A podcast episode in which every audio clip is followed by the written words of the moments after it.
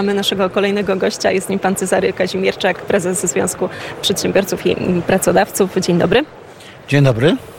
No i oczywiście nie możemy zacząć od y, innego tematu, jak dzisiejsza bardzo ważna konferencja, konferencja dotycząca tego, w jaki sposób Polska może pomóc i może też zauczestniczyć w procesie odbudowy Ukrainy, ale może na samym początku warto pochwalić i powiedzieć o tym, że to jest niesamowita frekwencja. No rzeczywiście e, nadspodziewanie, e, nadspodziewanie e, wysokie zainteresowanie tej konferencji. Liczyliśmy na jakieś 500 osób, zjawiło się 800, a spokojnie mogliśmy przyjąć jeszcze kilkaset, tylko zamknęliśmy rejestrację, byliśmy zmuszeni z uwagi na, na, na, na możliwości, jeżeli chodzi o salę w hotelu i tak dalej, i tak dalej. Także widać, że jest duże zainteresowanie biznesu jest. Sprowadziliśmy też trochę ludzi z Ukrainy. Wszystko to jest taki etap bardzo początkowy. E, nie należy zapominać, i biznes też polski nie powinien zapominać, że na Ukrainie toczy się wojna o wszystko. E, myślę, że też wojna jest to wojna w dużej mierze też Polski e, i przyszłości naszych dzieci i wnuków, czy będą mogły żyć w pokoju, czy będą musiały, jak ich przodkowie, walczyć od 500 lat z kacapami. Więc sprawa ważna. Natomiast te sprawy gospodarcze, którymi my się zajmujemy, bo jakby no to jest nasza kompetencja, jesteśmy organizacją biznesu, to w tej chwili taka podgotowka, szykowanie klimatu, e, przygotowywanie gruntu pod interesy, bo w tej chwili ja jak bywam na Ukrainie, no to jak, jak rozmawiam o biznesach różnych, to widzę, co ci ludzie mają w głowie, a w głowie mają wojnę i ataki fosforowe Rosjan na wojsko ukraińskie. Więc e, E, oczywiście są zainteresowani, myślą o odbudowie i tak dalej, i tak ale głównie w tej chwili e, zajmują się walką.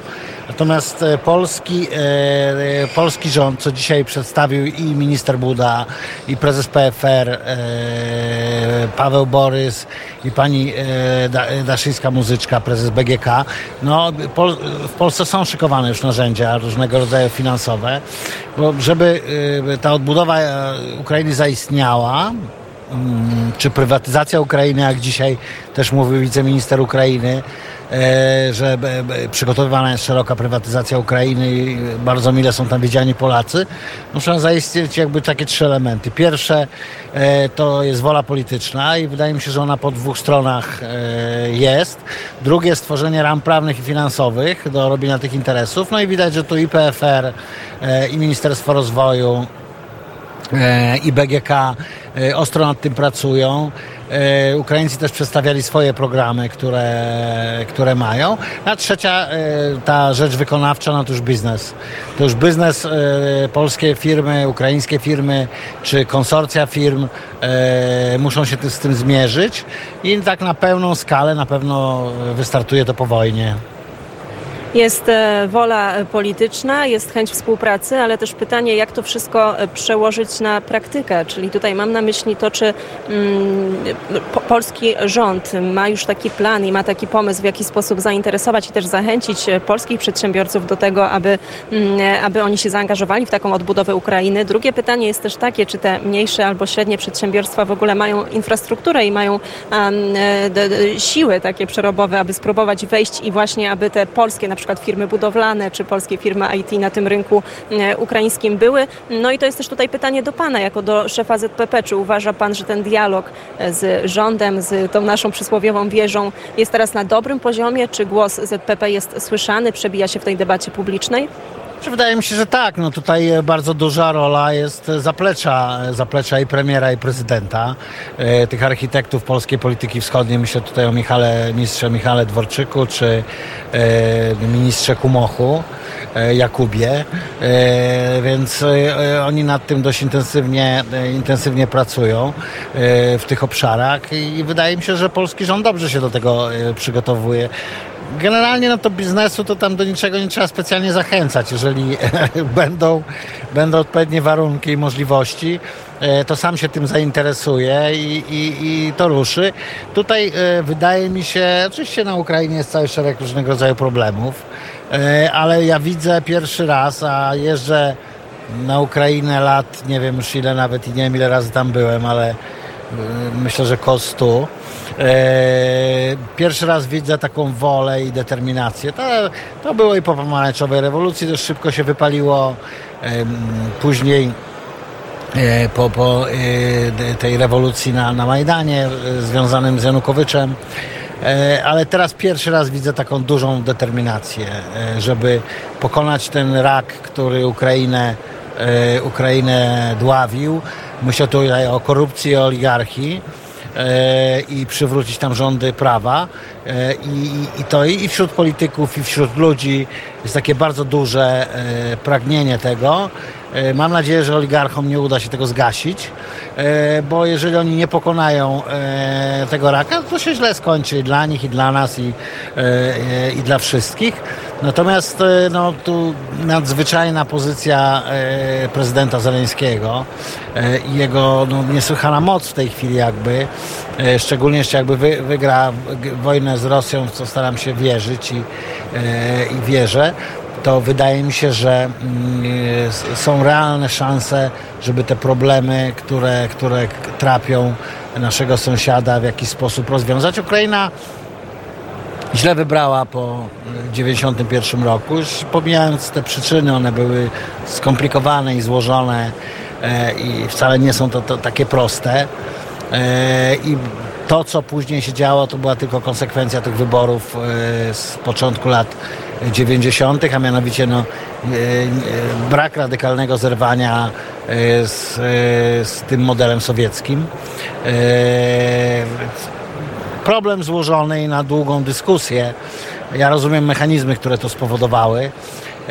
Natomiast no, w tej chwili tam następuje bardzo szybka desowietyzacja i, i jest takie wielkie pragnienie, żeby Ukraina się uwolniła całkowicie od tego ruskiego miru, od tych wszystkich też zwyczajów tam. Zresztą to, to już jest inny naród. Tak jak nawet jak się chodziło po ulicach w Mińsku, tu mówię to o Białorusi teraz, to człowiek miał wrażenie takiego confused, że tu chodzą tacy fajni młodzi ludzie, po tych ulicach, e, tacy normalni, a to taki e, burak, e, ten, ten cały Łukaszenka, to jakby to z innego świata.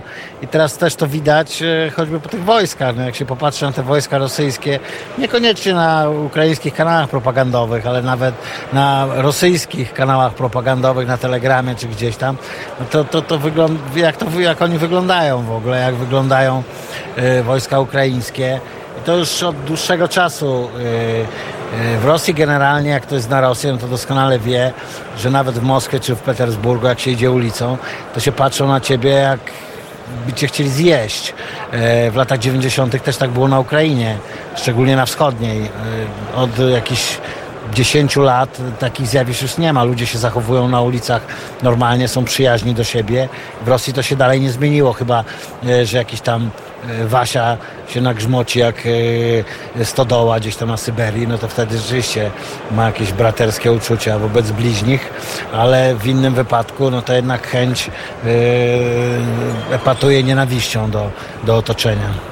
Tak, to jest bardzo, bardzo ciekawa e, refleksja. Ja ostatnio byłam z Radiem Wnet w Narwie, w Estonii. Tam robiliśmy wywiady z Rosjanami, bo nie można nazwać akurat tych obywateli, których spotkaliśmy na swojej drodze Estończykami i faktycznie tam taka prorosyjskość, pewna taka myśl sowiecka była myślą przewodnią, jeżeli chodzi o odpowiedzi, o stosunek do e, wojny. Myślałam najpierw, że być może ci ludzie są zastraszeni, ale taka ich buńczuczność i chęć dopowiadania jeszcze właśnie prorosyjskich haseł sprawiła, że po prostu doszłam do wniosku, że słuchają e, mediów propagandowych ściągali nawet y, nielegalnie e, jakoś antenami, tak żeby mogli słuchać po prostu konkretnie z mm, Iwanogorodu, a nie z Narwy, właśnie e, mediów i telewizji. Ale tu jeszcze wracając na moment do Ukrainy, powiedział Pan o tym e, Noraku, który toczy tak naprawdę od wielu lat Ukrainę, o kwestii korupcji.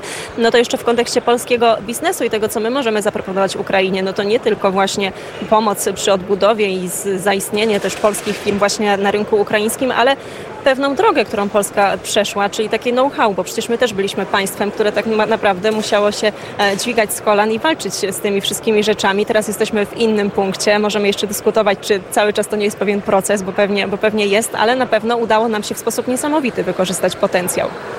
Z całą pewnością no, Polska jest e, miejscem i obiektem cudu gospodarczego, e, który w, w, naszym kraju ma nieprzerwanie miejsce od, e, od odzyskania niepodległości. E, Od 30 lat mamy wzrost gospodarczy. Poziom życia poprawił się nieprawdopodobnie. Polacy są już więcej zarabiają niż Portugalczycy i Grecy. Jesteśmy na dobrej drodze, żeby dorównać Włochom i Hiszpanom. Także e, w Polsce e, rzeczywiście nastąpił e, cud gospodarczy. Te różne brednie, które można usłyszeć w przestrzeni publicznej o jakimś tam, jak, jakby to rzekomo wolna Polska zniszczyła przemysł w Polsce czy coś. No, to produkcja przemysłowa w Polsce w tej chwili jest pięciokrotnie wyższa niż była w końcówce PRL-u. E, Jakiekolwiek, rocznik statystyczny wystarczy wziąć, żeby zobaczyć, e, jaka to jest przepaść, jak się strasznie e, e, to zmieniło, jak się wzbogaciliśmy. Polacy nigdy nie byli tak bogaci jak teraz w historii. E, oczywiście do czegoś to trzeba porównywać, no więc porównu, porównujemy to, nie wiem, do Europy e, Zachodniej. No tak bogaci e, nie byliśmy nigdy.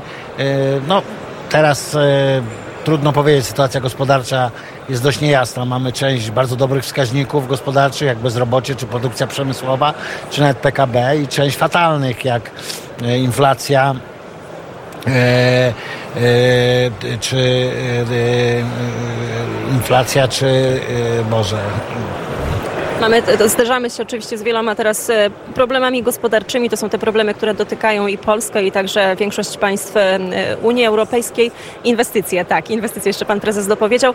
Jeszcze tak na zakończenie, bo e, cały czas trwają i dzisiaj do wieczora będą trwały rozmowy, to są i debaty, ale też takie rozmowy w kuluarach. Przyjechało bardzo dużo ważnych polityków ukraińskich, pojawił się premier Mateusz Morawiecki, Mm, ale pytanie dotyczące tej praktyki, bo właśnie dyskusja to z jednej strony, ale ZPP otworzyła także biuro na Ukrainie i wy już teraz w sposób konkretny pomagacie ukraińskim przedsiębiorcom, aby mogli zaistnieć po prostu na rynku polskim, pomagacie im e, w, w sposób konkretny już teraz działać, już teraz zarabiać tutaj pieniądze.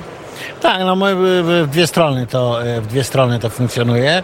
E, Pomagamy polskim przedsiębiorcom, naszym członkom, którzy są zainteresowani e, robieniem biznesu na Ukrainie, czy poprzez informowanie ich o różnego rodzaju możliwościach. To jedno, drugie kontaktowaniu ich z ukraińskimi partnerami, ale pomagamy też ukraińskim firmom, które są zainteresowane działalnością w Polsce.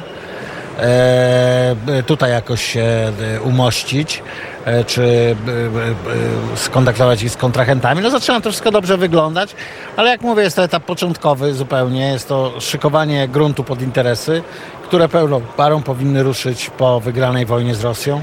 No bo teraz e, siłą rzeczy oni mają mm, e, e, ważniejsze problemy, e, a tym problemem e, jest wojna na wschodzie i na południu Ukrainy, którą na szczęście wygrywają. To prawda i może takim pozytywnym akcentem e, zakończymy rozmowę. Bardzo serdecznie dziękuję. Pan Cezary Kazimierczak, prezes ZPP, był gościem Radia Wnet. Jeszcze raz dziękuję za rozmowę. Dziękuję Pani bardzo. Do widzenia.